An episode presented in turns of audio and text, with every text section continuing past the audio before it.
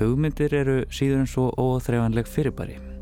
Þarst á móti taka þær sér ætið bólföstu í hverjum samtíma með einhverjum hætti en um leið tegja þær sig aftur í aldir og fram um veg. Í þessum þáttum hundrað ár dagur eða meir sem engan veginn má líta á sem tæmandi umfyllunum hugmyndir tengdar fullveldinu verða tilteknir hugmyndaströymar fullveldisögunar rættir til fortíðar og framtíðar með hliðsjón af einum ákveðnum viðburði sem telja mátu margsum þær hugmyndir sem um ræðir. Ferðalag okkar í dag hefst 22. oktober 1991 en í hverjum þætti er gengið út frá einni tiltekinni dagsetningu frá hverjum áratug fullveldisins þannig að í hvers skipti færistu fjær samtímanum og lengra aftur eða væri rétt að segja fram í átt til þeirra stundar er Ísland var fullvalda ríki í konungssambandi við Danmörku. Í þessum þætti skoðum við hugmynduna um að fá allt fyrir ekkert. Tvær íslenskar þjóðsagnapersonur hafa orðið að allþýðu hetjum einmitt fyrir þær sakir að þær virðast fá allt fyrir ekkert. Þetta eru konun hans Jónsmín sem þrykkir skjóðunni með sál eiginmannsins inn í heimnaríki þó Jón eigi þangað ekkert erindi og Sæmundur Fróði sem í fjöldamörgum viðskiptum við djöfulinn virðist ávalt ná sínu fram. Kanski má segja að hugmyndunum að fá allt fyrir ekkert sé enginni þjóðar sem brist úr sári fátækt. Þjóðar sem var orðin nokkuð vel stöndug þegar þetta átti sér stað 22. oktober 1991. Þið skuluð ekki halda að þið getið með samningsfretju komist upp með það að fá allt fyrir ekki neitt. En það er staðan í þessum samningum eins og er. Ísland hefur fengið öllum kröfum sínum fullnagt og það getur ekki heitið að það hefur látið neitt í stað. Samningaviröðunar um EES voru mjög erfiðar og snúnar. Baldur Þórhalsson, stjórnmálafræðingur. Það voru náttúrulega mjög umfangsmiklar því það er náttúrulega gríðarlega mikið undir. Það er rauninni allur innri markaður Evrópusambandsins öll uh, lögjöf sem fellur undir hann nefnir tveim, tveimur málaflokkum, sjávarúti og landbúnaði. Þannig að, og Íslendingar þurftu að leggja mikið á sig til þess að ná uh, fram fríverslun með sjávarafurðir og, og, og náðu því fram. Og það var unni mjög frækt þegar Jón Baldvin Hannibalsson, auðverkisráðura, kemur til landsins að e, eftir að e, búið að ganga frá EES-samningunum og lýsir því yfir að Ísland hafi fengið allt fyrir ekkert. Spauilegasta fíkuran úr íslenskum sagnaarfi er ábyggilega konanans Jónsmíns sem gekk upp til himnaríkis með sál eiginmannsins í skjóðu til þess að svindla honum sálugum inn í paradís. Þar móðgæði hún alla dýrlingana í forbífarten og sagði Marju mei að hún væri flekuð drusla, takk fyrir pent, og þegar Jésús Kristur kom í eigin personu í dýragettina að byggja hana af sinni hátíðlegu nærgetni að snáfa, þá gerði hún sér lítið fyrir og slöngvaði sálinni hans Jóns fram hjá Jésú og inn fyrir dyrknar líkt og mannsónurinn væri markmaður í tapliði í Pepsi-dildinni. Svo gaf hún öllum langt nef sér í lægi almættinu. Sem sagt, Afdalakerling úr íslenskum uppsveitum gengur til himna og kennir drottni eftirfarandi leksíu. Það lokar engin hliðum himnaríkis fyrir íslenskum kotbonda, jafnvel þó sá hafi verið ódæll og íllaþokkaður og þar að auki latur og ónýtur á heimilinu sinu eða með öðrum orðum vonlust eintak sem átti ekkert erindi inn í himnaríki. Það er eitthvað sérkennilega íslenskt við þetta. Birkir Blær Ingólfsson verður samferðamadur okkar í þættinum en hann er höfundur bókarinnar Þjóðar sálinn hans Jónsmíns. Í verkinu skrifar hann um það hvernig undan tekningahyggja, svo hugmynd að almennar reglur eigi ekki að gildum hann sjálfan, endur speglast í sögunni af sálinni hans Jónsmíns og Birkir fullirir. Sálinn hans Jónsmíns er ram íslensk þjóðsaga Við verðumst vera eina þjóðin sem hefur skapað sögu um afdalakerlingu sem gerir sér ferðalag til himna í því skyni að rýfast við sjálfan drottin. Heimsbókmyndunar státa af svipuðum karakter sem einnig taldi sig hafinn yfir Guð og kunn ekki að viðkenna smæð sína kakvart Guðdómnum, en sá heitir Lúcifer. Sjálfur djöfullin er keppinautur annarar þjóðsagnahetju Sæmundar Fróða sem í útistöðum sínum við Kölska hefur jafnan betur og fær jafnvel allt fyrir ekkert. Guðrún Péturstóttir. Ég hef nú voðalega gaman á sæmundi. Mm -hmm. Nú stýri ég stopn það sem mér er máli skilt og, og hef mjög gaman að því og ég bara elska sögurnar á sæmundi og ég menna hvaðan er eh, hann, hann er kætnuklokkur, hann veit við hvern hann á það skiptir líka máli þegar maður stendur í stendur í, í sko þegar maður teflir við andstæðing sem að setur að veði gerðsamlega óásættanleg kjör. Ef ég vinn þig, þá má ég eiga þig til eilíðar. Bara nei. Ég díl ekki við þig á þeim kjörum, en allt í lægi skuttlaði mér yfir til Íslands Ég þarf að ná mér í prestakalli 8, það eru fleira að keppa. Ef ég getur verið doldið snöggur og kom mér yfir að þess að bleita kjólfaldin minn, það mátt eiga mig. Og ég finnst að Kölski hann er bara ekki alveg eins, eins skarpur eins og hann þýrst að vera þannig að hann gerir svona samning. Hann hefur fengið bara, ég segi ekki dollaramerki glinnar en eitthvað hefur þess valdandi að hann dreif sig og ég minn ekki alltaf sæmyndur láta hann hýrða sig. Hann bara setur saltaran, þekkinguna, vístómin í höfuð á fordæðinni. Og þar með blotnar auðvitað kjólfaldurinn. Hann þarf líka synd í land. Samningurinn stendur. Hann sæðist aldrei ekki myndu róta selin þegar hann kemur landi. Hann sæði þú mátt ekki bleita kjólfaldin minn. Hann blotnaði sannarlega miklu meira það þú þurft að vindan og hempun alla. Íslenskar þjóðsagnahetjur eru sannarlega úræðagóðar í samskiptum sínum við æðri máttarvöld en Sæmundur Fróði og konan hans Jónsmíns eiga bæði rætur sínar að rekja í katholskan síð. Ástæðan fyrir því að málstæður konur hans Jónsmíns er réttmætur er að sjálfsögðu svo að hún ber skarðan hlut frá borði á tíma þegar auðugir samfélagshópar gáttu hreinlega keift sér eða sínum synda aflust. Það er síðan í raun í skjóli Páhans í Róm sem hinn katholski sæmundur fróði þykkur presskall sitt í otta. Katholska kirkjan var nefnilega, ólíkt kirkju mótmælenda, yfir þjóðlegt vald sem náði þvert á landamæri. Árið 1648 markaði vatnaskil í stjórnmálulandslægi Evrópu sem fram að þeim tíma hafði logað í trúarbræðaerjum katholika og mótmælenda um rúmlega 130 ára skeið. Þjóðir Evrópu komur saman í Vestfælíu, þar sem nú er norður Þískaland þetta ár, til að binda enda á 30 ára stríði sem var aðeins brota þessum trúarbræðastyrjaldum Evrópu. Því að gerna fleikta með Vestfælíu samningunum svo kvölduðum hafi hefð fullvalda ríki í nútíma skilningi komið til sögunar þar sem yfir þjóðlegu valdi var svo að segja útýst úr stórum hluta álfunar. Þar munnaði mest um takmörkun á valdi katholsku kirkjunar sem fram að þessu hafi víðum Európu farið með mikil verallega völd sem stönguðist kjarnan á við völd verallegra valdhafa. Viðbröð Innocent tíunda páa í Róm voru afdrátturlaus. Hann kallaði samningana áhrifalösa, ógilda, ógildandi, siðurlösa, óréttláta, bannhelga, syndsamlega, forheimska, merkingarlösa og áhrifalösa um alla eilíð.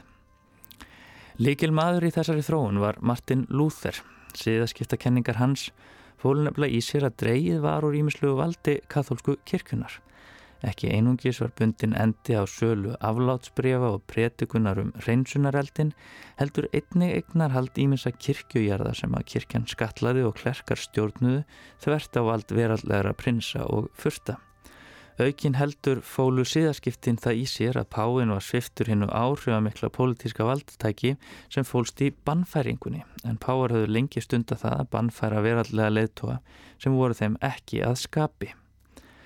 Friðarsamningarnir í Vestfallíu 1648 byggðu því að einhverjum hluta á guðfræði Martin Luther sem gerði greinamun á tvennskonar.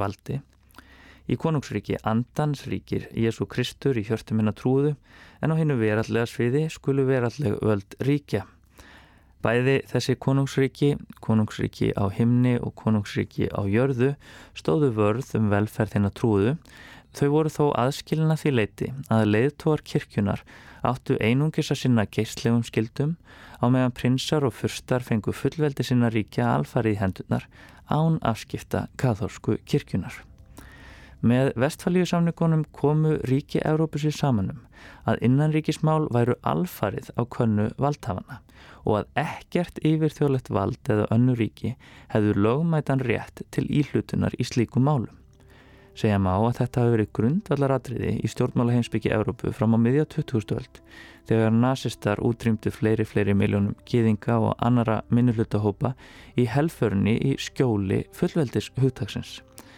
Það er upp frá helförni sem saminuð þjóðnar og stopnar og fullveldi ríkja er takmarkað með samþygtum um íhlutuna rétt. Þá hefst líka samruna þróun í Európu fyrir alvöru því margir leiðtóri í Európu litur svo á að rót viðburðana mætti að einhverju leiti rekja til hins hefbundna skilnings fullveldisugtagsins. Ákallum samvinnu og samruna Európuríkja kom ekki síst úr herbúðum kathólskra stjórnmálabla viðum áluna sem þekktu vel þá hugmynd að æskilegt væri að fullvelda leittóar bæru ábyrðka hvert einhvers konar yfir þjóðlögu valdi. Að, það að hvaða marki Ísland eigi að tengja sig við þá samruna þróun sem hefur átt sér stað í Evrópu hefur allatíð verið mjög umdelt hér á landi. Allt frá því að e, þessi Evrópumál komu fyrst á borð íslenskra stjórnvalda í upphæfi sjönda áratögarins. En það, þau hafa yfirleitt komið á daskra íslenskra stjórnmála vanna í tengslu við það að e, hinn Norðurlöndin hafa ákveðið að stíga til tekinn skref og taka þátt í samfunnu Evrópuríkja og reyna að fá aðgang á innri markanum. Og Ísraelega stjórnvöld hafa reyna allar götu síðan þurft þá í kjálfarið að svara þeirri spurningu ætlaðu að fylgja hínu Norðurlöndunum eftir og taka þátt í Evrópsamfununni eða standa einu sér. Evrópsk samrunnathróun hóst árið 1950 þegar sex ríki stopnuðu Evrópska kóla og stálbandalæðið.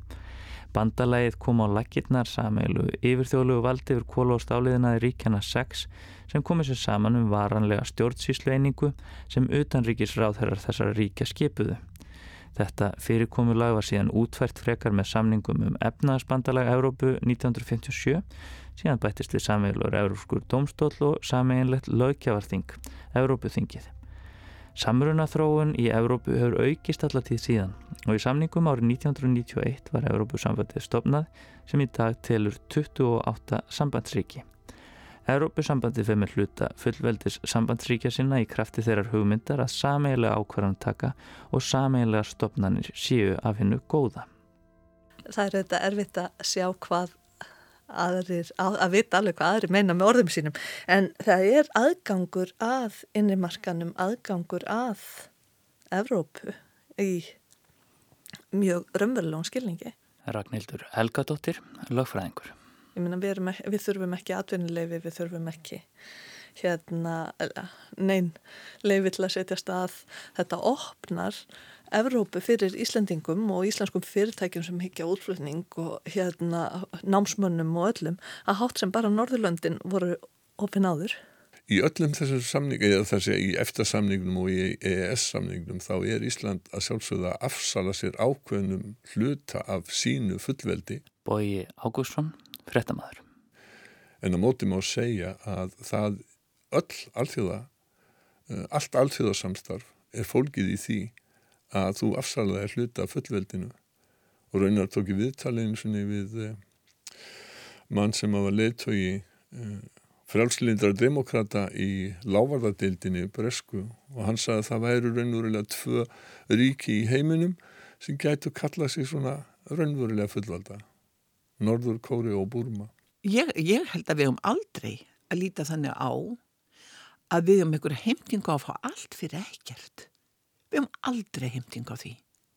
Þú getur ekki samið við nokkurt mann um að fá allt fyrir ekkert nema þú segist vera auðmingi. Og þú getur ekkert. Og þess vegna þurfur að fá allt fyrir ekkert.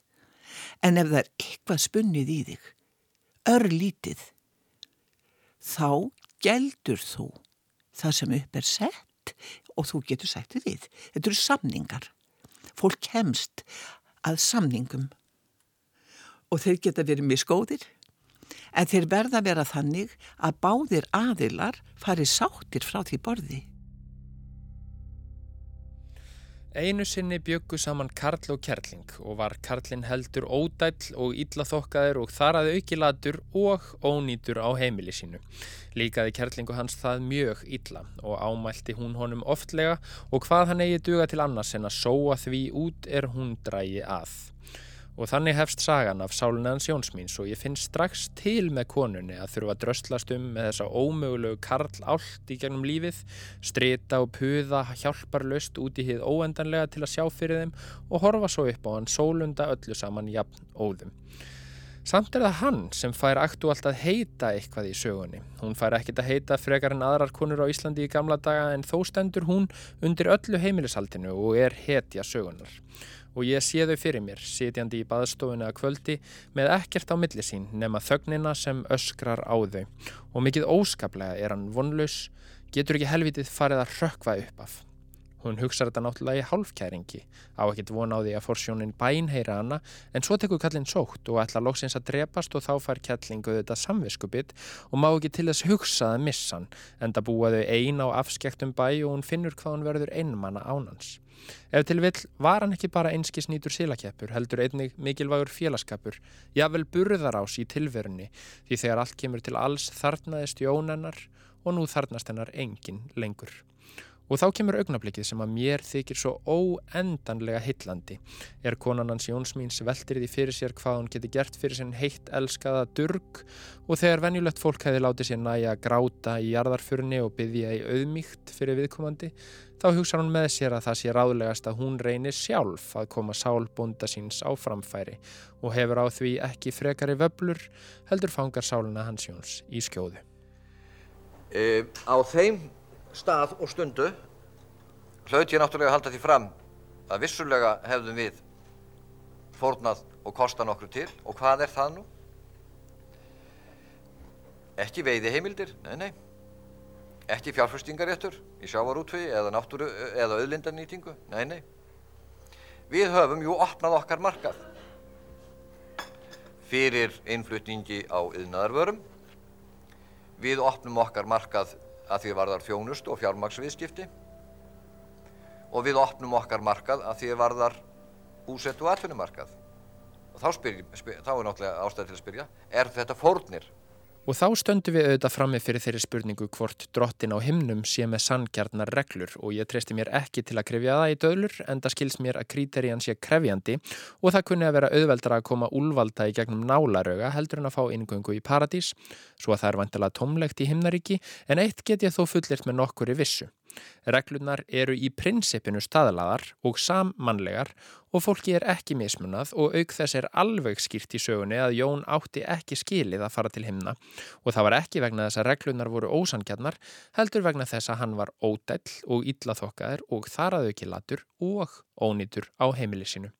Og þrátt fyrir það gerir konunans Jónsmín sérferð til himnaríkis og framkoma hennar þar ber vottum einstaka sjálfkvöru.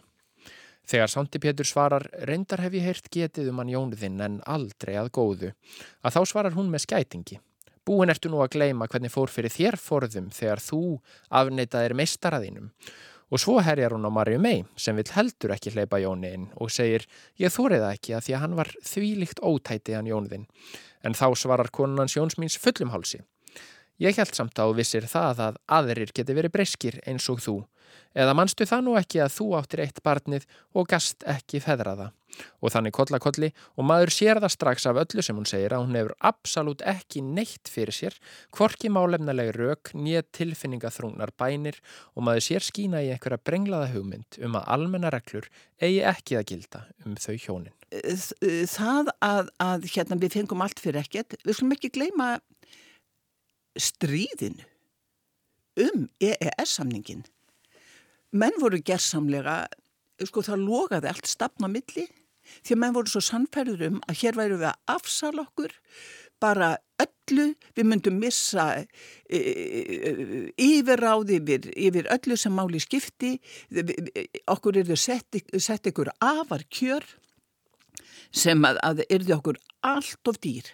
Og þegar að utanrikiðsáðan kemur heim og segir við fengum allt fyrir ekkert, svolítið hans stíl kannski, en hann er að segja, helgja réttilega, við komumst að mjög góða samningum það einkennir e, umræðuna um Evrópumál hér á Íslandi. Allt frá því hún kom fyrst á dagskrá íslenskra stjórnmála í byrjun sjönda ára þjóðarins að íslenski stjórnmálamenn geta ekki og tala ekki fyrir þáttöku í Evrópusamverðinannum með því fórorði að það sé þýði að við séum að deila fullveldi með öðrum eða að afsála okkur fullveldi til yfirþjóðlega stopnana Evrópusambatsins.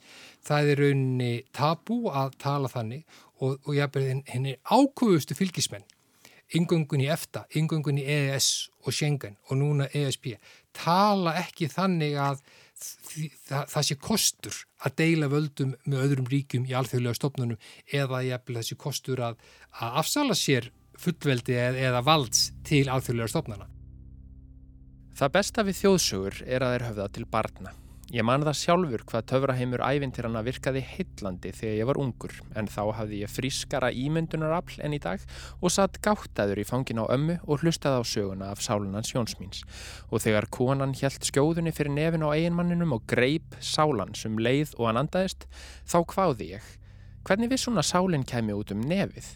Og amma svaraði, hún vissi það nú bara. En ég spurði aftur og fer sálinn alltaf út um nefið þegar maður deyr og amma sagði já. Og þarna satt ég í fangin á ömmu og hlustaði opinmyndur á söguna af Sálunans Jónsmín sem í undirmeðutundinni bergmálaði eftirfarandi eins og leiðslukend mandra. Þó að þú sért bara venjuleg afdalakerling þá áttu í fullu trefið drottin almáttugan og getur gengið til himna ef þið listir og ef dyrlingar himinsins ætla eitthvað að þvælast fyrir þér þá skaltu ekki hika við að móðga þá og við hafa skæting.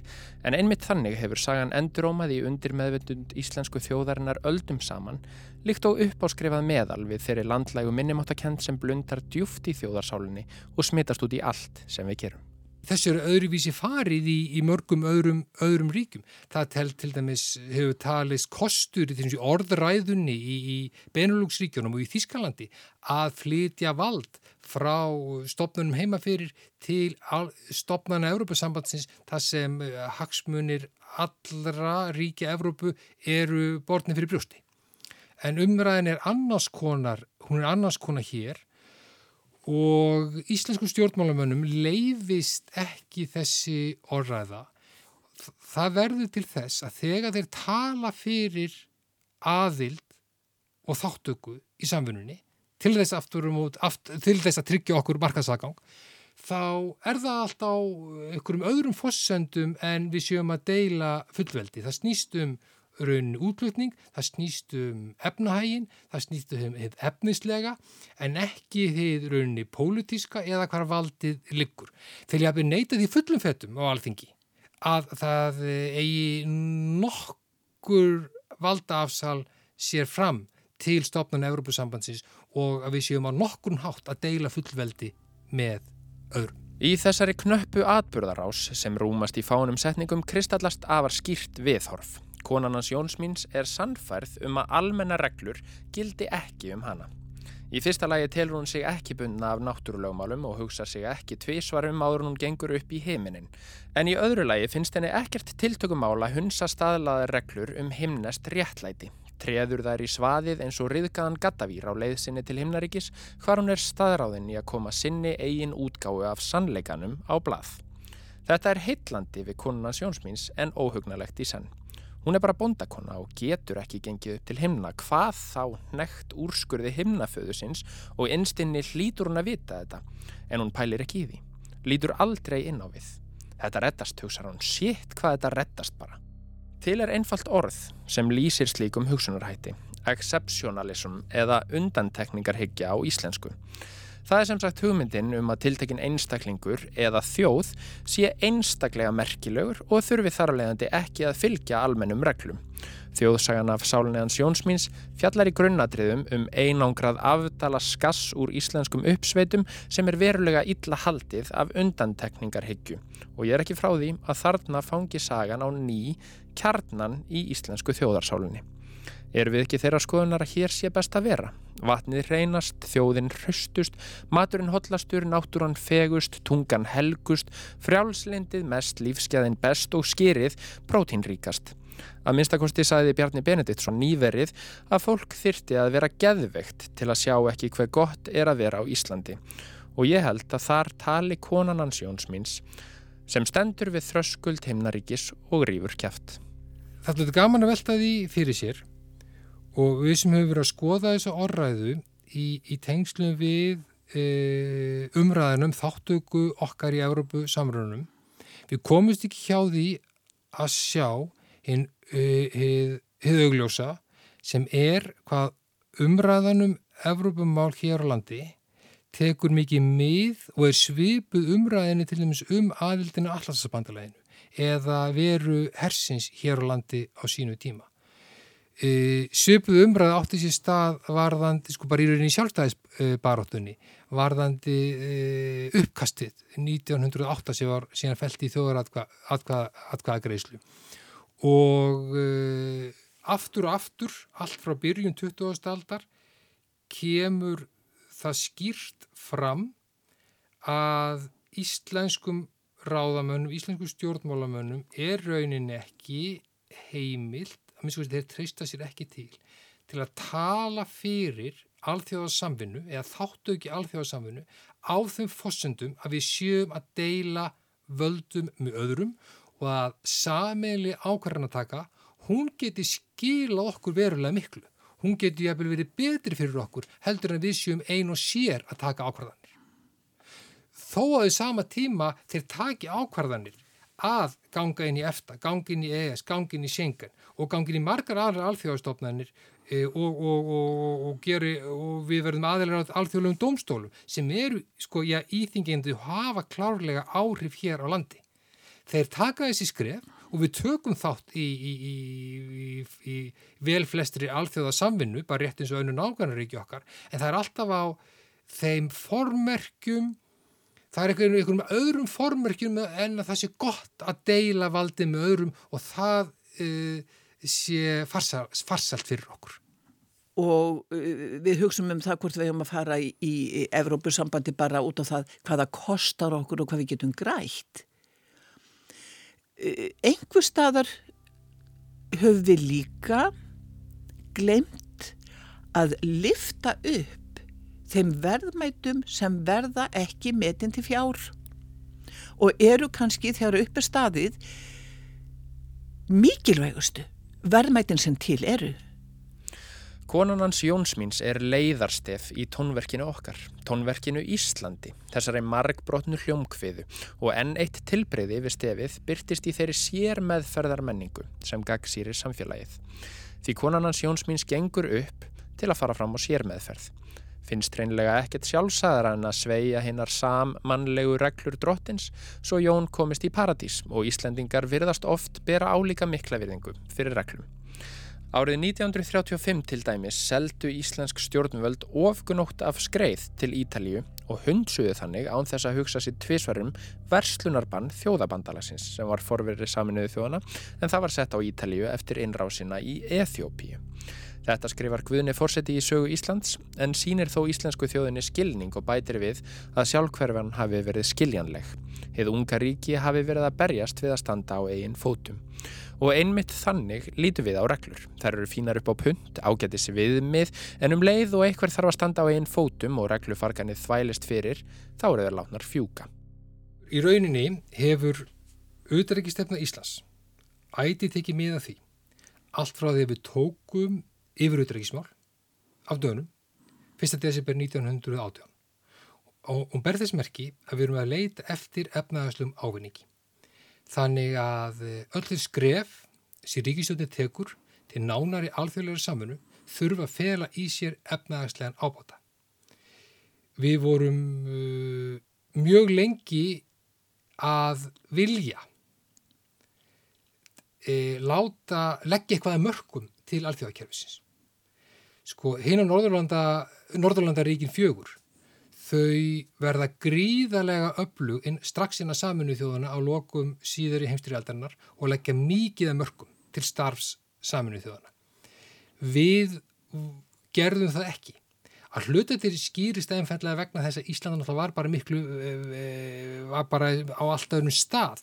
Efnahagur var ekki sterkur, við erum miklu, miklu smarri, smarri þjóð og við höfðum ekki bara getuð að burði að þekkingu til þess að láta á okkur leiða.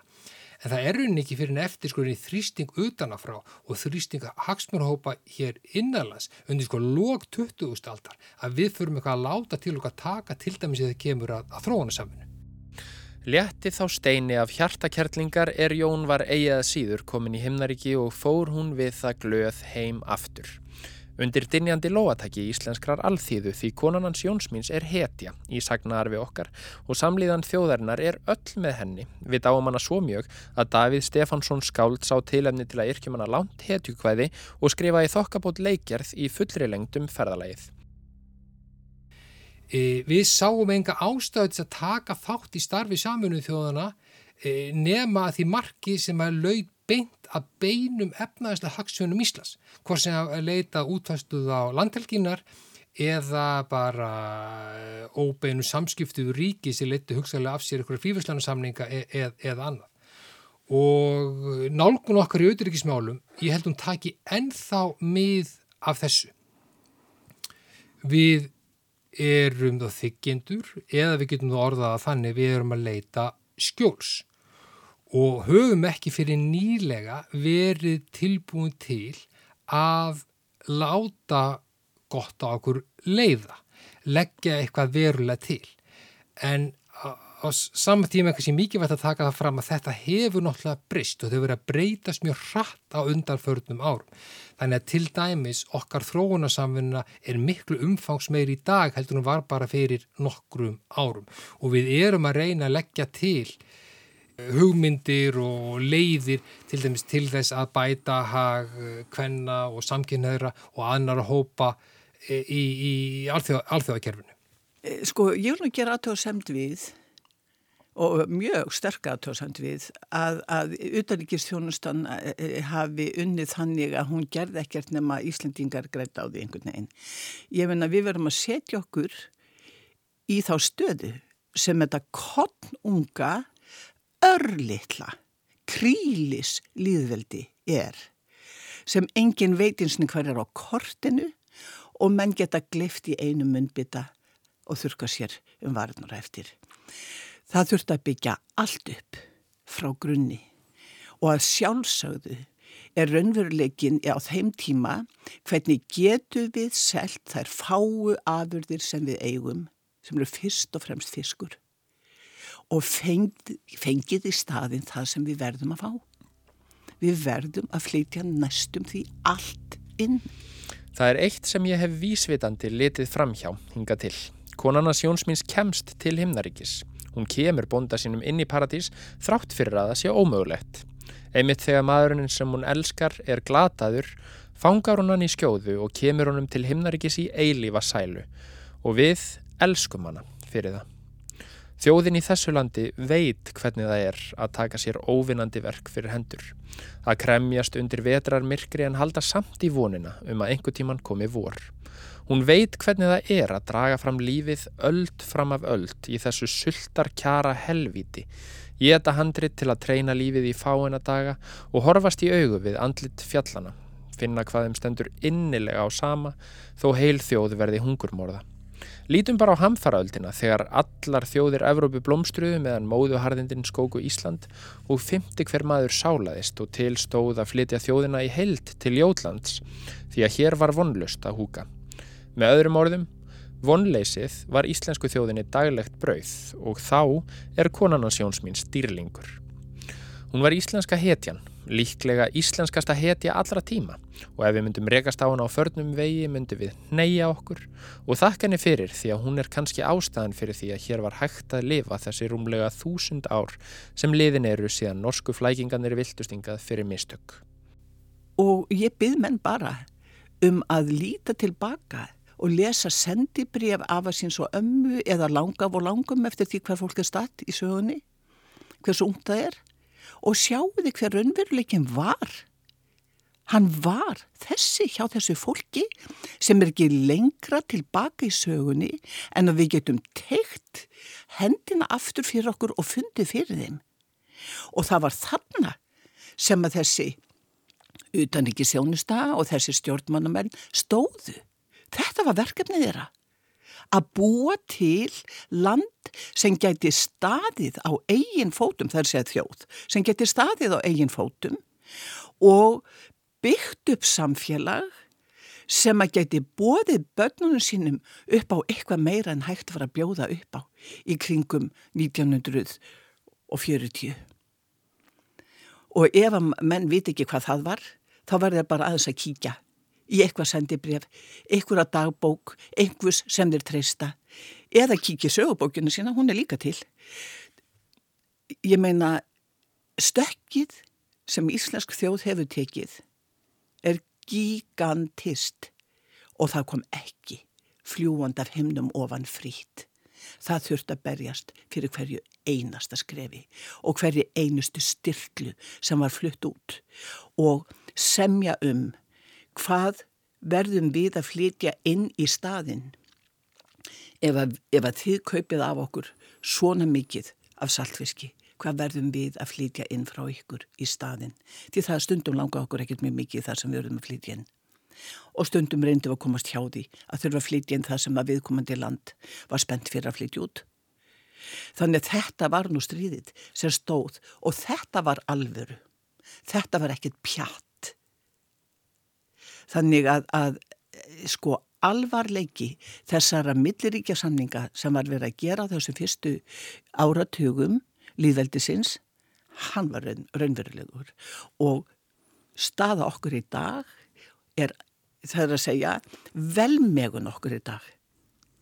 Hún er ávöxtur þess. Við hefðum alveg getað lengt annar staðar á þeirri kurvu. Þannig að það er nú kommenti mitt á það að auðryggisjónustan hafi unnið við að reyna að fá eitthvað fyrir ekkert. Hún reyndi að gera eins góð kjör fyrir sína þjóðins hún lefandi gand. Nú eru Íslendingar örþjóð sem lifir á nögtum kletti í köldu myrkri rétt norðan við hverki og bjó lengi við svo ótrúlegt volæði og hörmungar að það ber eiginlega vott um framtagsleysi að fólk hafi ekki drepist. Það blasir auðvitað við hvers vegna slík þjóð skapaði sögu um kertlingarskass sem valtar yfir drottin. Þetta er það sem fólk hafi þörf fyrir að heyra, að það skipti einhverju máli þrátt fyrir smæðina og volæðið. En hitt er áhugaverðari spurning hvers vegna aðalpersonan í sögunni er í rauninni svindlari sem pælir ekkert í sangitni eða réttlæti að hún leggur upp í þessa taktlausu bjarmalands för. Má vera að þessi litla þjóð hafi enga trú á sjálfri sér Eða eigum við að leiða okkur að draga stærri álygtun. Höfum hugfast að þjóðin hefði hæglega geta skapað sögu þar sem Jón var bættur órétti. Það hefði verið svo auðvelt, hann hefði geta verið yðinn og duglegur og hversmanns hugljúi en fyrir mistök hefði glemst að skýra hann og þess vegna átt hann að brennað eilifu eða hvað som helst. En í staðin var Jón óþokki og kynnslóð eftir kynnslóð datt engum í hug að gera örlittlar breytingar á sögunni þegar hún var þulin upp í rökkri baðstofunar svo að Jón hefði sanginnina sín megin. Og maður spyr sig var það af því að kynnslóð eftir kynnslóð stóð Íslandingum hjartanlega á sama um sanginni? Samkvæftreglunum. En hún, hún lítur svo á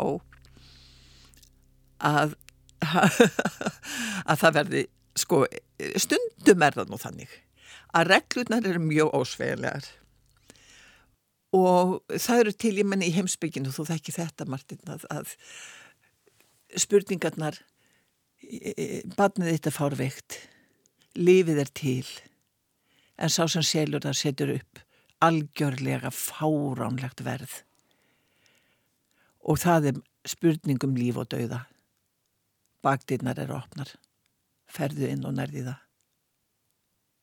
Þá segir maður, maður vegur hagsmunni. og fyrir kettlingunar Jónsmíns þá voru hagsmunir þess að komunum Jóni, hún var ekki komunum inn í himnaríki því það er ekkert gaman þar, en hún var komunum frá helvíti. Hún var komunum frá logum helvítis, þar sem sálirnar emja og æpa til eilíðar og þó kallin væri búin að vera þvílík, hotnhöld og ómöglegur, þá gæti hún samt ekki hugsa sér að hann færi þangað. Svo hún bara vó hagsmunni. Hvort skipti nú meira máli fyrir likla bjötur? að fá þessa sál þarna inn á mótireglunum eða fyrir hann jón minn að sleppa við að brenni lógum helvítis. Og ég er náttúrulega alveg með henni þessu. Þú skullar pókanum inn fyrir skjóðinni en ekki hvað. Það er líka hægt að tólka söguna á aðra vegu. Þetta er til dæmis kynjapólitísk saga. Eða er það ekki saga margra íslenskra kvenna að hafa borið hitan og þungana heimilislifi og barnauppbeldi og í þokkabót orðið að þjónusta kallin sinn og porra hann upp metorðastiga þjóðfélagsins þegar hann komst ekki af sjálfstáðum. Hjá konunans Jónsmíns nær þessi auðsveifni út yfir gröf og tauða. Helgi Seljan, sjónvasmaður, helt forvinnilega ræðu á sjómanadaginn árið 2010 en í stað þess að lofsingja sjómenn talaði hann um sjómannskonunnar og hetjut á þeir þeirra sem virðast eitthvað hluta vegna aldrei hafa ratað í annóla þrátt fyrir að þeir hafi rógast með veröldina á herðunum í fjárveru eiginmanna sína sem snýri stundum aldrei heim. Þær hafa ort sín ljóð í móðuna í þvóttahúsklukkanum meðan þær svæfðu með hinni, sæði Helgi og bendi á að samt hefði enginn haft fyrir því að reysa þeim minnismerki eða yrkja um þær hetjuljóð. En sagan af Sálunans Jónsmíns er kannski minnisvarði um þetta hlutskipti íslensku konunnar í gegnum aldinnar. Hér hlær hún upp í opið geðið á almættinu og storkar náttúrulögmálunum til þess að halda heimilislífinu í skorðum og fær ekkert í staðin. Ekki einu sinni sitt eigið nafn.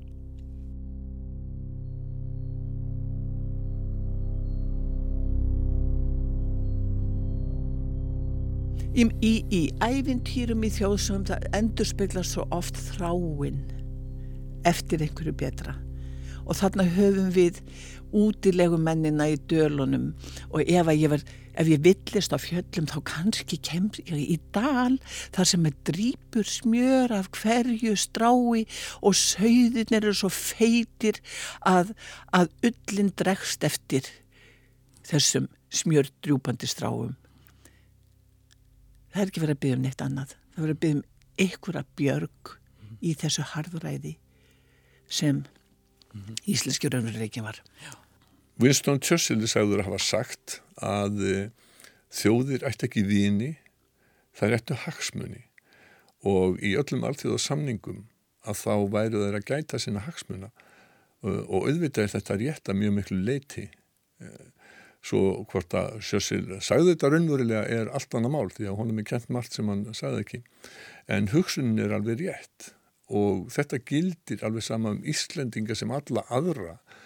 Uh, þegar sest er að samningaborði þá vilja menn ebla hagsinnar þjóðar og fá sem allra mest út úr þessum samningum í uh, einu mikilvægustu milliríkja samningu sem Íslandikar hafa átt aðild að á undanförnum áratugum sem eru EES samningarnir að þá er efta sem að þá er að semja og þetta er áðurinn að svíjar og finnar ganga inn uh, og þeir eru hluti af uh, samningateimi efta.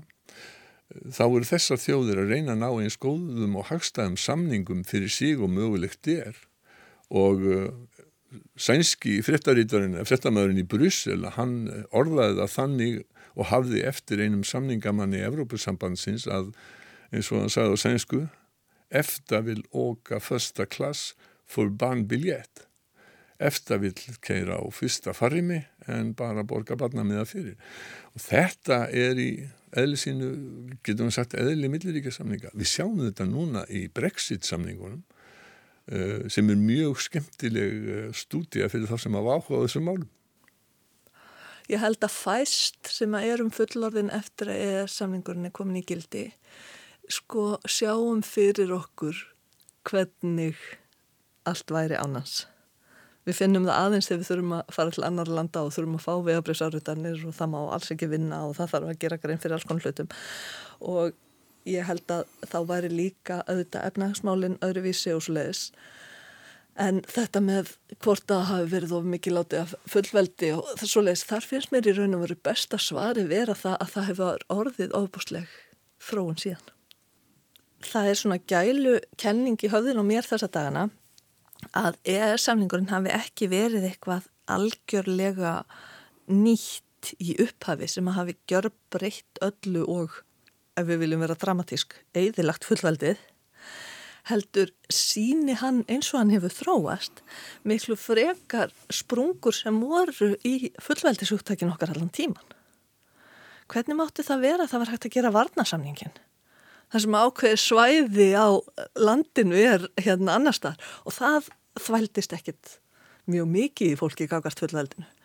Við gengum í saminuðu þjóðurnar og þar er fyllt af hérna, ákvarðunum sem er hægt að taka og þá verður Ísland að fylgja þeim. Öryggisáðu getur tekið ákvarðanir sem er þannig að Ísland verður að framfylgja þeim gangvart einstaklingum og svo framvegis. Og það þvældist ekkit mikið fyrir okkur. Þannig að fullveldi hefur, held ég alltaf verið blandaðra heldur en svartkvíta myndin sem er dreyin upp þegar deilurnar með Europsamstarfi byrja að harna það var meiri tólerans fyrir meiri þólimaði fyrir hérna grásvæðunum þanga til. Já, þetta, sko, þetta tengist því sem ég hef mikið verið að skoða í tengslu við svona smáríkjafræði og hvernig smá ríki blómstra heima fyrir og, og í alþjóðakerfinu og hvernig þau fara að því. En smáríki búa við marga veikleika sem stór ríki ger ekki eins og til dæmis þau hafa lítinn heimamarka sem þegar þau eru miklu háður inn og útlutningi. Þau geta ekki varið sig ef á þau séu ráðist utan að komið að, aðlum og, eh, og þau þurfa líka á því að halda að nýjustu ströym voru stefnur úr alltjóðakerfinu komi inn fyrir landsteinuna. Það er mjög mikið vakt til þess að, að bara menning og, og, og mentun og viðskiptalíf dafni og blómstri. Og uh, í, í, í þessu samengi þá hafa nefnilega íslenskir ráðamenn e, alla 20. stöldina og enn í dag leita skjóls eins og við sjáum það fyrir okkur í smáreikjafræðanum hjá uh, volduri nákvæmríkjum og alþjóðastofnunum. Þeir hins vegar er kannski erfitt með að viðkenna það fyrir kjósundum að þeir séu að leita skjóls því að hefur sjálfstæða sterka Ísland sem á að taka sínar eigin sjálfstöða ákvarðanir sem eru besta fyrir það að leita náttúrulega ekki skjóls hjá ykkurum öðrum. Þa, það tekur sjálfstæðar ákvarðanir. Það er svolítið skemmtilegt að alveg frá 1918 eru foreld eru fórustumenn Íslandinga uh, Bjarni Frambói, Einar Arnarsson fleiri, alveg með það á hreinu að það sé beiting fullveldisríkis að skuldbinda sig gagvart öðrum ríki og þeir taka alltaf þessa samlíkingu við fullorna mannesku að ég er kannski ekkit síður fullorðin manneska þó ég sé ráðin í vinnu skuldi bankanum fullt af íbúðalánum og gift ég er samt eh, fullveðja manneskja og þeir taka nákvæmlega þetta. Hérna, þó, ráð, þó að maður ráður sér í vist þá er það hann sem að ákveður það af sínu og ræða um ríki svolítið á þessum nótum. Og þaðan kemur alveg síðan þá er þessi þráður að það sé beiting fullveldis en ekki að gefa það frá sér að vera í samstarfi við aðra. Og síðan Európusamstarfið svona varð þetta þétt hvað Ísland snertir þá hafa margir sagt að sko það þurfi við þurfum að setja meira, meiri kraft í það en ekki minni til þess að hafa meiri áhrif til þess að hafa hérna til að í raun og veru vera að beita þessu og hafa eins mikil áhrif á það samstarf sem við sjálf göngum inn í og hægt er. Í samskiptum við erlenda þjóðir, bara í samskiptum við alla þá er tröst undir staðan og maður, maður kemst aldrei upp með það til langframa að svíkja. Og meira segja þegar við vorum svona lítil og auðm og rétt að skrýða stað, þá brínir Ólafur Tórs fyrir þjóðinni í ansimagnari ræðu að Íslendingar eigi að ávinna sér virðingu annara þjóða. Það sé það fyrsta sem við verðum að gera við verðum að að koma þannig fram að við náum okkar markmiðum þrátt fyrir það að verum lítil en ekki vegna þess. Við höfum ekki að gera út á það að við eigum einhverja spes meðferðskilda af því við séum svo lítil. Nei, þá morgnar sjálfsverðingin. Við Íslendingar eru minnsta sjálfstæði þjóð heimsins. Það er áræðanlegt að flestum verður á að brosa þegar þeir heyrum þessar 130.000 sálir sem tellir sig bæra, bærar um að halda upp í menningaríki og leggja fram mannvít til úrlausnar allra þeirra viðfánsefna sem sérkur sjálfstæð þjóð verður við að glýma. Margir gleima strax þessu litla en undarlega fyrirbríði en aðrir kynna sér betur sömbarta því að er þurfa þess sömbarta forvitni. Er þetta raunverulega mögulegt? Geta svona fáir menn leist jafn mörg verkefni svo viðunandi sé? Því minni sem þjóðin er, því meira hún undir að haga, haga svo búskap sínum en engum þó viðskiptunum út á við, að hún með því ávinni sér virðingu annara þjóða. Skal að þessu sinna í rætt, hvaða skilurðum Íslendingar verða fullnægja ef vel á að vera í þeim efnum. Heldur á það eitt benn, að minnsta þjóð heimsins getur vel telt velferðsinn og sjálfstæði í voða ef hún temur sér síðleysi einmitt í þeim efnum sem beinast blasa við sjónum annar þjóða og jável snertir beinlinis hagsmunni þeirra þar sem meðferði utar í smálasenna. Þetta verðum við Íslendingar gera okkur ljóst og hætta því að ræða utaríksmálun með óvarfærni og þeim ofsa og óbylgirni sem tíðast ríkir í innanlands deilunum. Við Íslendingar þurfum einnig að láta okkur skiljast að við megum ekki fremur en aðrar þjóðir ætla að við getum til lengdar vænst mikil skóðs af nokkur í þjóð umfram það sem er réttu hlutvalli við þá þýðingu sem við höfum fyrir hagsmunni hennar sjálfrar. Þetta er lögum á lífsins eftir því skulum við hefða okkur meðal annars vegna þess að það er frumskýlirði til að eignast þá vínáttu og virðingu annara þjóða sem getur þegar mest rýður á verið verðmætari en nokkrir fjárstjóðir. Íslendingar þurfað sín í verki að þeir ætla sér að freysta þess að lífa sínu lífi þrátt fyrir smæðina en ekki af smæðinni. Við Íslendingar erum orðnir þáttækindur í margvísleiri alltjóðastarfsemi og gerumst eftir vitt bráðum einina saminuð þjóða. Við ættum að temja okkur nýja og betri síði í umgegn okkar við aðrar þjóðir og meiri háttvísi og varfærni umræðum um utarísmálinn áður en við færum okkur ofar á bekkin á alþjóðarsamkum.